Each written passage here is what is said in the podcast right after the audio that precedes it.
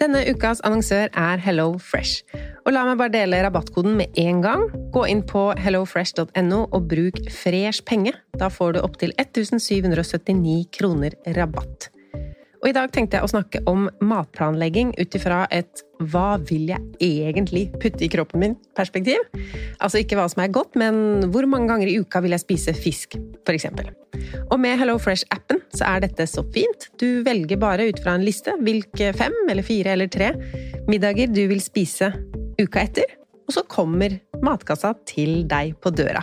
Og du trenger ikke å tenke noe mer på hva du skal spise. Denne uka så blir det for meg to fiskeretter, to vegetarretter og en kyllingmiddag til guttene. Gå inn på hellofresh.no og se selv hva du kan velge mellom. Bruk koden FRESHPENGE for å få opptil 1779 kroner rabatt på de første seks matkassene dine, pluss gratis levering på den første kassa hvis du ikke har prøvd Hello Fresh tidligere. Rabatten kan du også bruke hvis du har vært kunde hos Hello Fresh, men det er mer enn tolv måneder siden.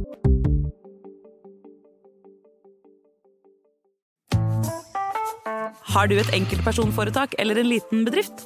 Da er du sikkert lei av å høre meg snakke om hvor enkelt det er å sende faktura med fiken. Så vi gir oss her, fordi vi liker enkelt. Fiken superenkelt regnskap. Prøv gratis på fiken.no.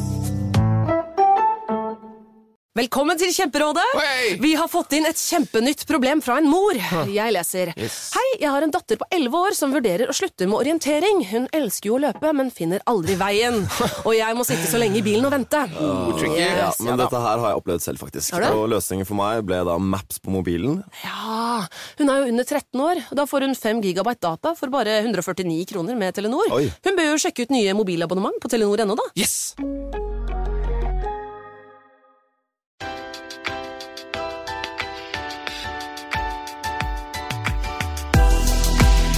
God morgen og velkommen til en ny episode av Pengesnakk podkast. I dag har jeg med meg en veldig spennende gjest. Han heter Gustavo Parade Andrade. Hallo, Hallo, hei hei. velkommen hit. Takk for det. Jeg syns det er veldig hyggelig å ha Gustavo her. Vi kjenner hverandre ganske godt, fordi Gustavo er gift med min søster, stesøster, og er da pappaen til min niese. Men du er jo ikke her i dag fordi vi er i familie. Du er her pga. den jobben du gjør. Så jeg lurte først på om du kan fortelle litt eh, om deg selv. Hva er egentlig bakgrunnen din? Du har studert i forskjellige land. Ja, gjerne. Um, jeg er utdannet økonom. Uh, vokste opp og begynte å studere i Brasil. Og så flyttet jeg til Tyskland, hvor jeg fullførte uh, mastergraden min i samfunnsøkonomi. Og jobba litt i forskning, litt i konsulentbransjen og uh, litt i finansbransjen også. Og så flyttet jeg til Norge for noen år siden. Og uh, jobba også i, i bank. Og så i 2016 uh, begynte jeg å jobbe i Fremtiden våre hender. Og der jobber du nå, i Fremtiden i våre Ja, hender. der jobber jeg nå. Jeg jobber med alt som har med finans å gjøre i Fremtiden våre hender. Uh, det vil si når uh, vi leverer innspill til høringer, eller deltar i ulike fora, diskusjonsfora. Men uh, mesteparten av tiden min bruker jeg på noe som heter etisk bankguide.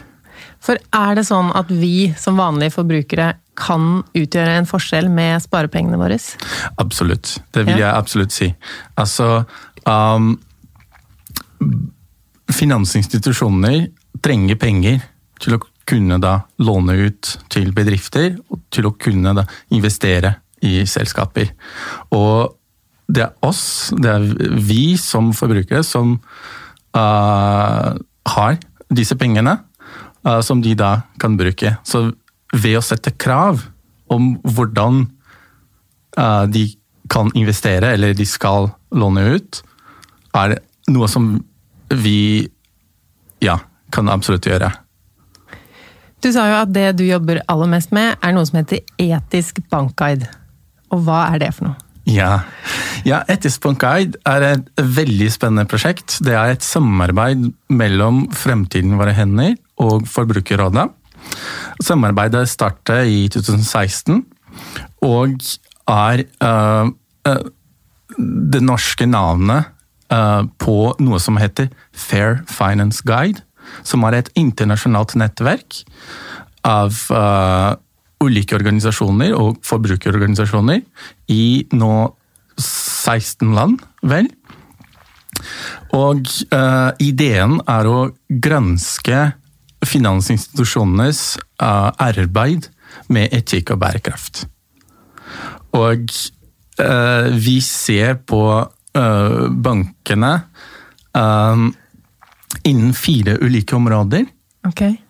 Vi ser på hva de gjør når de låner ut penger til bedrifter. Det er det første. Og så ser vi på hva noen av dem, i hvert fall de som tilbyr dette, uh, hva de gjør når de finansierer prosjekter, altså prosjektfinansiering. Um, den tredje er uh, hva banker gjør med sin likviditetsforvaltning. Vil si til enhver tid har banker penger til disposisjon. Altså det er våre penger egentlig, men vi tar ikke ut alt samtidig. Så de til enhver tid har de penger hvor de kan da bestemme hvor de plasserer det. Og det ser vi på. Hvilke kriterier de legger til grunn for plassering av disse pengene. Og så den, den siste er um, hva vi kaller det sånn grovt sagt, fondsforvaltning. Det vil si alle sånne sparingsprodukter som vi som bankkunder kjøper.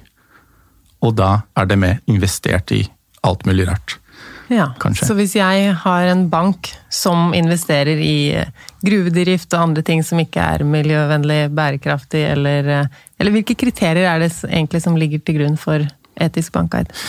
Ja, uh, Etisk bankguide er en, en veldig omfattende undersøkelse. Eh, vi bruker opptil 1084 vurderingselementer Oi. per bank. Eh, det vil si altså 271 elementer innen hver av disse fire områdene. Så hvis en bank tilbyr alle fire, er aktiv innen alle fire, så blir over 1000 fordelingselementer. Vi har 14 banker i undersøkelsen, så jeg bruker litt tid på dette. Ja, det tror jeg på. Ja. Men eh, selv om det det ser jo veldig enkelt ut for meg. Hvis jeg går inn på etiskbanka.no, så er det grønne banker, gule banker, oransje banker og røde banker. Ja, Men eh, det er gøy å vite at det ligger så mye bak, at dette er faktisk resultater som, er, eh, ja. som sier mye. Ja, ikke sant. Og det som man ser på nettsida, er en del av Etisk Bankaid, faktisk. Så Etisk Bankaid har tre søyler, holdt jeg på å si, eller tre hoveddeler. Den første er en policyanalyse, altså en analyse av bankenes retningslinjer og policyer innen ulike områder. Vi har til sammen 14 områder. Og da ser vi på hva, hvilke krav banker stiller innen menneskerettigheter, f.eks. arbeiderrettigheter, når det gjelder miljø, eh, naturvern og biologisk mangfold osv. Så, videre, og så, så det er en policyanalyse. Og så, når vi har da kartlagt hva de sier de gjør, så kommer del to i Etisk bankguide, som er en eh, sjekk av praksis. Altså etterlever bankene det de lover i sine retningslinjer. Så dette er del to i Etisk bankguide. Som Ja. vi gjennomfører case-studier for å sjekke uh, om ja, hvordan de, de har uh, gått frem. Ja, For det er jo lett å si at vi er en bærekraftig bank, og Ikke vi sant? ivaretar Ikke ja. sant, ja. Så, og så den tredje delen, og like viktig, eller kanskje ja, like viktig i hvert fall, er nettsida. Der har vi samlet alle uh, resultater og prøver å fremstille de på en sånn veldig forbrukervennlig måte, oversiktlig måte. Uh, og det som man ser på nettsida, denne rangeringen, er en rangering av bankenes policy og retningslinjer. Hvor omfattende de er, hvor detaljerte de er. Um, og på nettsida har vi også noe som heter publikasjoner, uh, hvor man kan da gå inn mer i dybde og se hva har vi funnet når vi har da gjennomført en- et, et stikkprøve og, og, og, ja, og hva vi har funnet der. Og det som er veldig spesielt og veldig bra med, med nettsida, er at man har mulighet til å si fra. Så vi har uh, noen knapper uh, som man kan uh, klikke på, og sende en melding til sin bank og si 'jeg er fornøyd' eller 'jeg er ikke fornøyd' med hva banken gjør innen for eksempel et bestemt område, innen likestilling f.eks., eller generelt. altså ja, Gjennomsnittskarakter av banken, hvordan banken presterer. Og det viser seg at det er veldig uh, uh, Hvordan kan jeg si det? Eh, Påvirker veldig bankene. Altså, vi, vi ser at det er tusenvis av uh, mennesker som har tatt kontakt med banken sin, har sagt ifra. Og dette gir resultater. Absolutt. Ja, for nå har de jo fjerde utgaven av Etisk bankguide som har kommet nå i 2019, eller forrige uke. Og da ser du noen endring? Absolutt. Ja, um, da vi starta i 2016, uh, så skåret uh, bankene i snitt 30-80 Dette var omtrent på samme nivå som uh, franske banker, uh, litt høyere enn japanske banker, og litt høyere også enn brasilianske og indonesiske banker. Og så i år, 2019, uh, skårer banker i snitt 60-80 Så uh, det har vært en sånn positiv utvikling, og vi er veldig glad for, for det. Altså, vi ser at uh, banker er blitt mer åpne hva de gjør innen etikk og bærekraft. De forteller mer. Så det blir enklere å lage denne undersøkelsen nå, fordi bankene forteller mer av det de gjør? Eh, Eller på en måte, ja. Samtidig som det ligger mer material ute. Så. Men det er positivt, da. Det er, det er, det er bedre. Absolutt.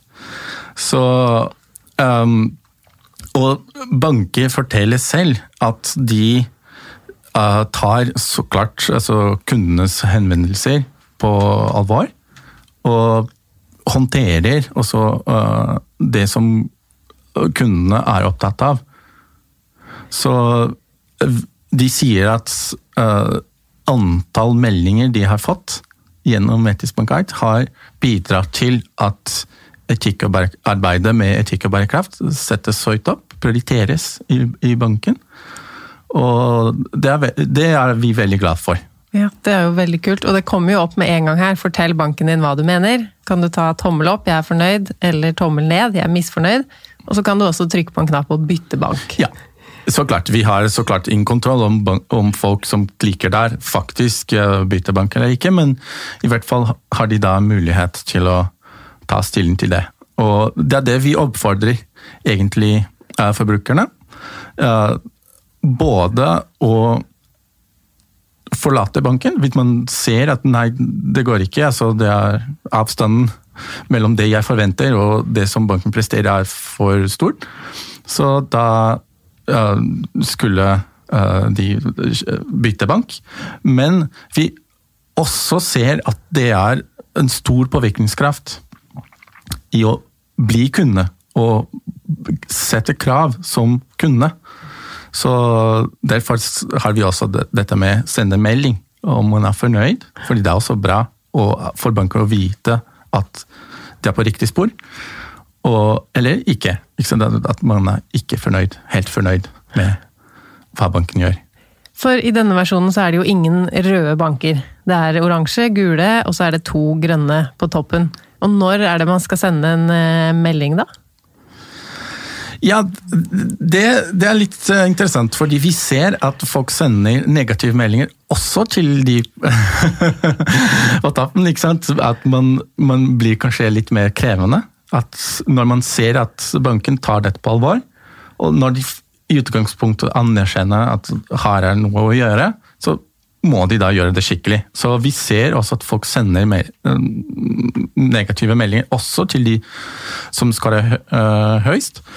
Men uh, ja, så klart. Altså, uh, de aller, aller fleste sender melding til bankene som, som får enten jumboplass eller ligger nederst i, i skåringen. Men eh, min eh, dagligbank her ligger jo på sånt gult. Den er nummer fire fra toppen. Burde jeg eh, tenke at jeg gjør dårlige bærekraftsvalg ved å fortsette å ha den banken? Nei, ikke sant. Altså, bankvalg er noe så, Det er komplekst, ikke sant. Man, det er flere ting som spiller en rolle her. Uh, det er rente, det er uh, hvilke produkter banken tilbyr. Ikke sant. Og det er ja, Man har ulike livsfaser, man har ulike behov for ulike bankprodukter. Så jeg vil si at det er bra, egentlig. Jeg vil anbefale å bli der og si ifra. Ikke sant? Fordi som vi ser nå, de aller, aller fleste øh, jobber med etikk og bærekraft. Så nå handler det mer om at de blir bedre. At de utvikler videre sin, sin innsats innen etikk og bærekraft. Og det er noe de gjør når de får vite at kundene er opptatt av det. Er det noen banker som har gått tilbake i sitt arbeid med bærekraft? Er det noen som har fått dårligere score i år enn tidligere? Uh, i, i, veldig liten grad. Altså, stort sett ser vi at bankene utvikler uh, sitt arbeid med etikk og bærekraft. Og kommer med bedre retningslinjer, lover flere ting, sier at de er mer opptatt av det. Uh, ja. Mm.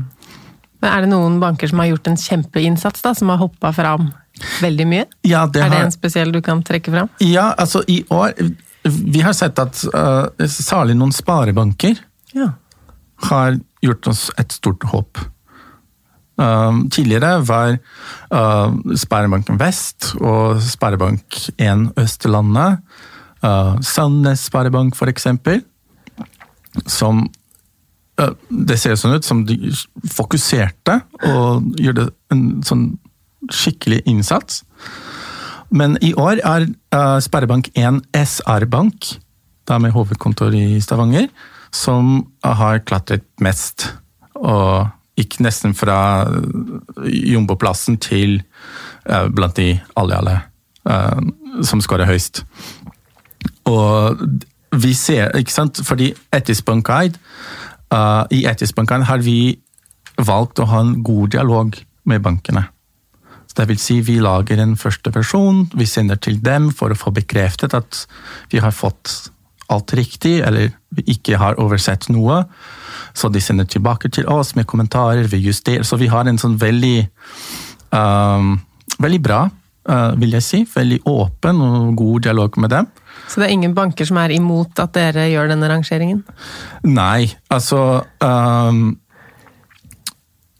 det, det, er det ikke. Altså, de ser noen ganger utfordringer uh, fordi vi har uh, valgt banker eller finansinstitusjoner med ulike forretningsmodeller. Ikke sant? Det er noen banker der som DNB, Nordea, som tilbyr alle fra A til Å. Ikke sant? Tilbyr alle banktjenester. Mens andre banker uh, er ikke aktive innen alle disse fire områdene. Og det er noe som vi tar høyde for når vi vurderer dem. Men resultatene som man ser på nettsida, er et samlet score. Så disse nyanser, nyansene de kommer ikke frem uh, ja, så tydelig som noen banker kunne ønske det. Uh, eller i hvert fall uh, for å si det mer presist, altså, det er noen banker hvor enkelte avdelinger, f.eks. de som tar seg av fondsforvaltning, de stiller høyere krav enn de som jobber innen kreditt.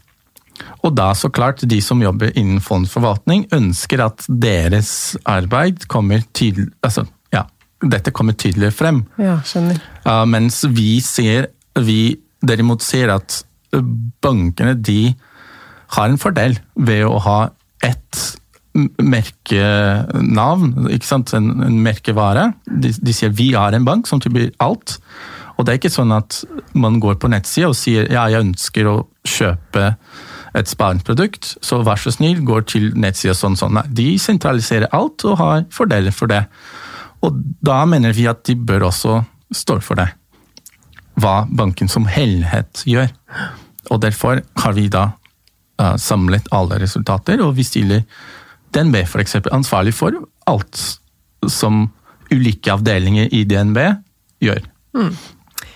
Nå kommer jo DNB ganske bra ut her, men det er én bank som skiller seg veldig ut positivt, som har faktisk 98 Hva er det som gjør at en bank kan ha så kontroll på bærekraftsarbeidet?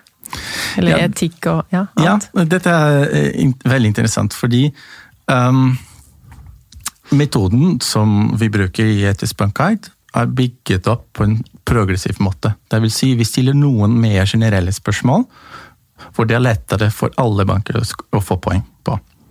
Og så stiller noen litt uh, strengere krav, da mindre banken skårer, og så, og så videre og så videre. Så det vil si, jeg vil påstå at en bank med en vanlig forretningsmodell ikke klarer å, å score så høyt som Kultura Bank. Grunnen for at Kultura Bank skårer så høyt, er at de fra bunnen av er, uh, har hatt da, De har uh, etikk og bærekraft i fokus i hele banken. altså hele.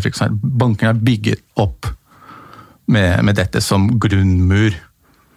Og dette gjenspeiles da i, i Etisk bankguide. Men jeg tror mange ikke kjenner til eh, den banken engang. Kultura Bank, er det en vanlig bank som jeg kan ta lånet mitt i og spare og Ja, det er det. De er en, en vanlig bank, har akkurat samme bankkonsesjon som andre bank, alle andre norske banker. Og de tilbyr eh, bankprodukter både til private og til bedrifter. Så de er sånn sett en helt, en helt vanlig bank. De er, om jeg ikke tar feil, Norges nest minste bank. Med litt over en milliard i forvaltningskapital. Men forskjellen er at de stiller såpass høye krav, så strenge krav, til bedrifter de låner ut til, at de, ja, de oppfyller nesten automatisk alle krav som vi, som vi har i Etisk bankguide.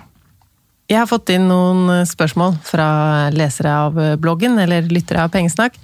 Og en av de tingene de spør om er hvordan kan banker tilrettelegge for at vi som forbrukere skal investere mer bærekraftig? Ja, det er et veldig godt spørsmål. Veldig interessant, fordi uh, noen banker har utviklet eh, eh, en bærekraftsmerking av fond som de, som de, uh, de tilbyr gjennom eh, sine kanaler. Og eh, det er eh, Det hjelper. Utfordringen der er at eh, hver bank har utviklet sin metode, sin bærekraftsmerking. Så det krever at uh, man da går og leser, eller ja, prøver å forstå hva som ligger til grunn for akkurat denne merkingen. Men det er en måte å hjelpe uh, for oss å velge hvilket fond man, man, man uh, skulle investere i. Men Fins det ikke også noen mer generelle, sånn Morningstar-ratingen eller svanemerking av fond? Er det ting som kan hjelpe oss til å ta valg? Ja, absolutt. Altså um, Selskaper som Morningstar eller MSCI har utviklet sine egne metoder uh, uh, for å klassifisere alle disse fondene. Um, som Fordelen med dem er at de brukes av ganske mange finansinstitusjoner. Mm. Så da er det lettere å vurdere på Ja, tvers? altså de har også sine utfordringer, absolutt. Uh, også fordi de uh, bruker uh, sånn såkalt best in class. Ok, eh, kan du forklare hva kriterier. det går vil ut si på? Si, et selskap som, er, som får toppkarakter, og da kvalifiserer for å inngå i et uh, særlig bærekraftfond. Eh, selskapet eh, er bedre enn andre i sin bransje. Ikke nødvendigvis at selskapet gjør det kjempebra og ikke er involvert i noe kontroversielt, men tvert imot. eh, selskapet er bedre enn andre. Uh, eksempel på det er uh, Equinor, som kvalifiserer for en del uh, miljøfond, eller bærekraftfond, bærekraftige fond, Mm, men fordi de er bedre enn Exxon Mobil eller Shell, f.eks. Uten at de nødvendigvis er spesielt bærekraftige. Ja, ja, så det er en, en kjent utfordring med uh, bærekraftsmerkinger.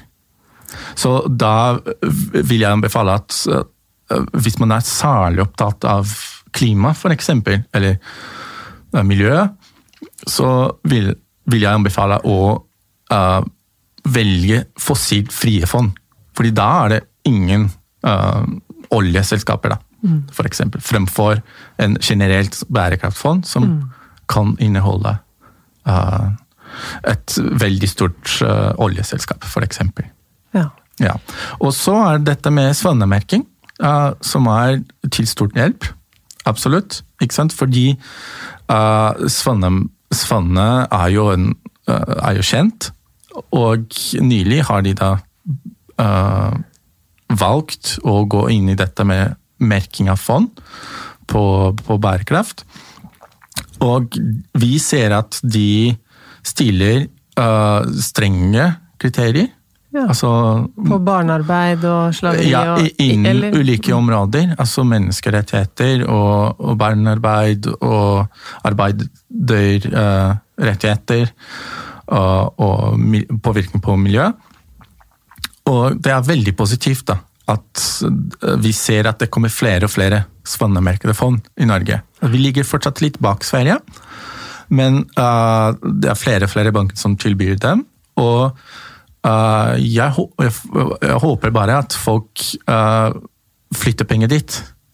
Fordi, eh, ja Uten å gå 100% god for hva de gjør, men vi ser at uh, kravene som de stiller, er jo uh, høye. Og da vil jo det også utgjøre noe på etisk bankguide. For dere tar jo utgangspunkt i hvor mye penger som er investert. Så selv om banken tilbyr mange miljøvennlige fond, vanemerkede fond, så utgjør nødvendigvis ikke det noe på etisk bankguide Ja. hvis ikke pengene er der. Nemlig. nemlig. Det er, det er helt riktig. Altså, I Etisk bankguide ser vi på, eller vurderer vi bankene basert på uh, hvor største delen av pengene er plassert i. Så vi ser at uh, mange banker, nesten alle, tilbyr sånn nisjeprodukter som kan godt være gode og bærekraftige, men er fortsatt nisjeprodukter. Så bankene blir ikke vurdert basert på krav som stilles i disse nisjeproduktene. Men tvert imot, det blir vurdert basert på krav som de ellers så øh, generelt øh, stiller på tvers av porteføljen. Så jo flere som flytter penger til svanemerkede fond, f.eks., eller fossilfrie fond, uh, jo større sannsynlighet for at en dag største delen av pengene er plassert i disse uh, fondene, og banker blir da vurdert på, på disse kravene. Jeg skal lese opp et spørsmål til. Det går litt på det samme som vi har prata om nå, men det er en som spør hvordan kan jeg enklest sammenligne ulike fond langs ulike etiske dimensjoner? I bankguiden til Fremtiden i våre hender kan man gå og se scoren til banken på forskjellige dimensjoner som likestilling, miljø osv.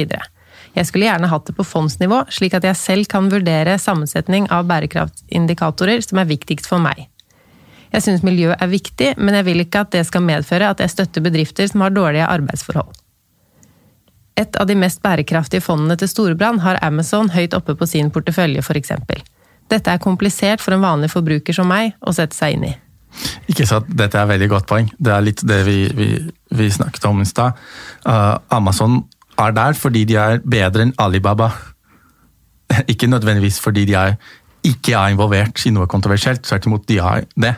Så det er uh, en sånn utfordring alle, eller ganske mange bærekraftsmerkinger har, vil jeg si.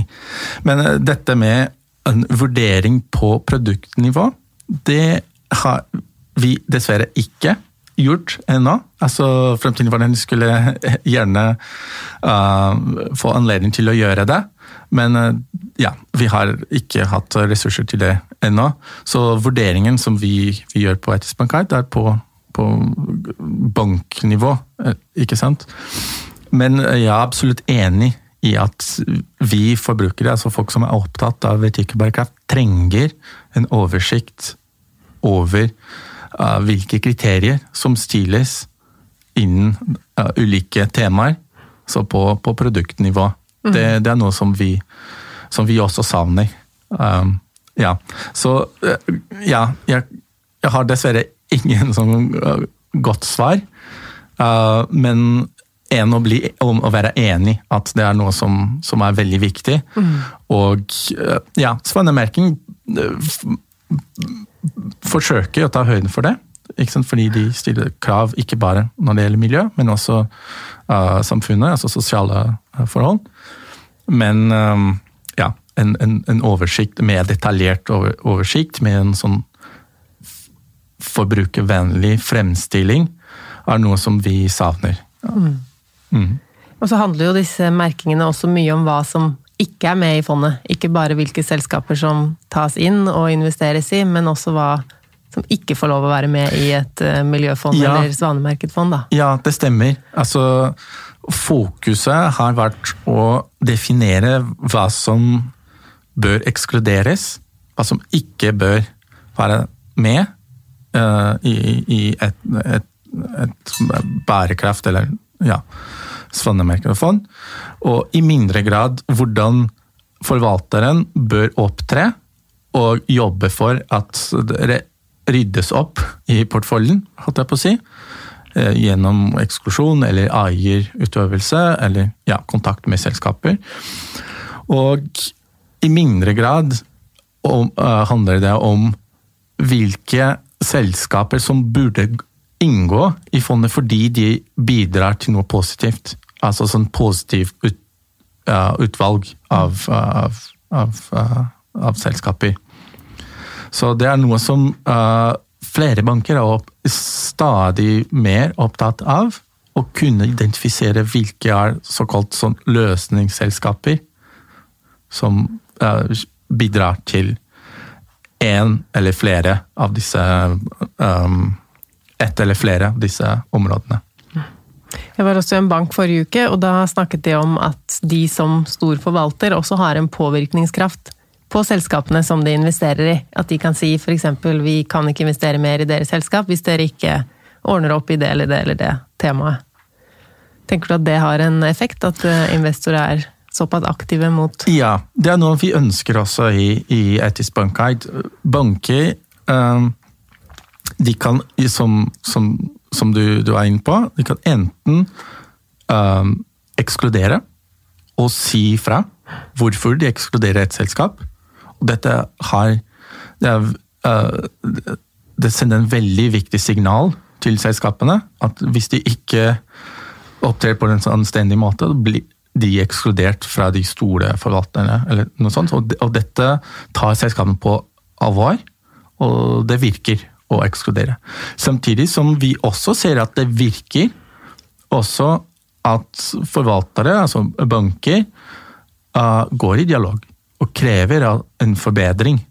Og krever en forklaring hvorfor er selskapet involvert med noe kontroversielt, og krever at uh, selskapet rydder opp. Så um, banker i Etisk bankguide får poeng både for uh, eksklusjon og for eierutøvelse. Hmm. Jeg har et siste spørsmål.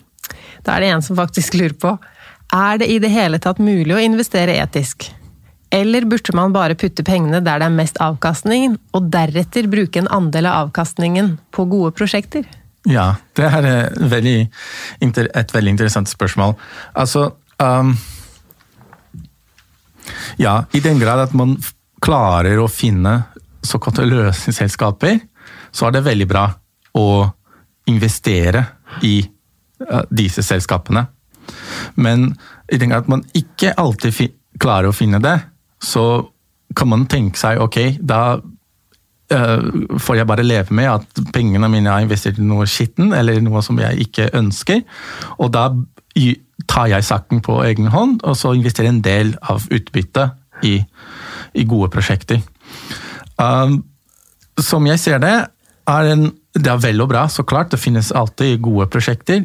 Uh, men uh, påvirkningen, altså selskapenes påvirkning på miljø og samfunnet, er mye større enn uh, nedslagsfelt av et godt prosjekt. Så, og at de opptrer riktig og, og, har gode arbeidsforhold til sine ansatte eller i leverandørkjede, at de ikke forurenser miljøet osv., osv., har en mye større uh, påvirkning. Så er Derfor tenker jeg at det er viktig å, å stille krav til at de uh, uh, rydder opp i noe som de kanskje er, har vært involvert i. Og ja, opptre riktig, rett og slett. Så jeg vil, jeg vil svare det. Altså, det er så klart bra. Altså, ja, begge deler. Invester i noe bærekraftig om du finner det, og Og bruke en del av uh, utbytte, eller overskudd, da, til å gi uh, til gode prosjekter, eller mm. For det er jo ikke heller sånn at uh, å investere i noe bærekraftig gir mindre avkasting. Nei, absolutt ikke. Det man ser ikke. i eh, miljøfond og bærekraftfond, Ja. de gjør det jo foreløpig i hvert fall bedre. Ja. det gjør det. Og de verstingselskapene får jo ikke færre utfordringer framover, tenker jeg. Nei. Så Vi alle regner med at uh, lovkrav strømmes inn, at uh, politikerne klarer å ta klimautfordringen på alvor, og også alvorlig miljøkrise som, som vi har. Så det blir absolutt ikke mindre krav. Og da uh, selskaper som, er, som tar etikk og bærekraft på alvor, er bedre posisjonert på å, uh, uh, å ta fremtidens utfordringer. Ja. supert. Eh, tusen takk for at du eh, var med i denne episoden av Pengesnakk. Jeg legger ut noen linker på eh, bloggen, for der kommer jeg til å linke til Etisk bankguide. Eller dere kan gå inn på etiskbankguide.no. Og så fant jeg også en fin side på Fremtiden i våre hender som het Bli miljøvenn med pengene dine. Tusen takk for at jeg fikk lov å komme og snakke med deg. Det var veldig, Veldig flott. hyggelig, og jeg tenker at mange har lært litt nå og er ivrig på å gå inn og sjekke hvordan deres bank gjør det i Etisk bankguide.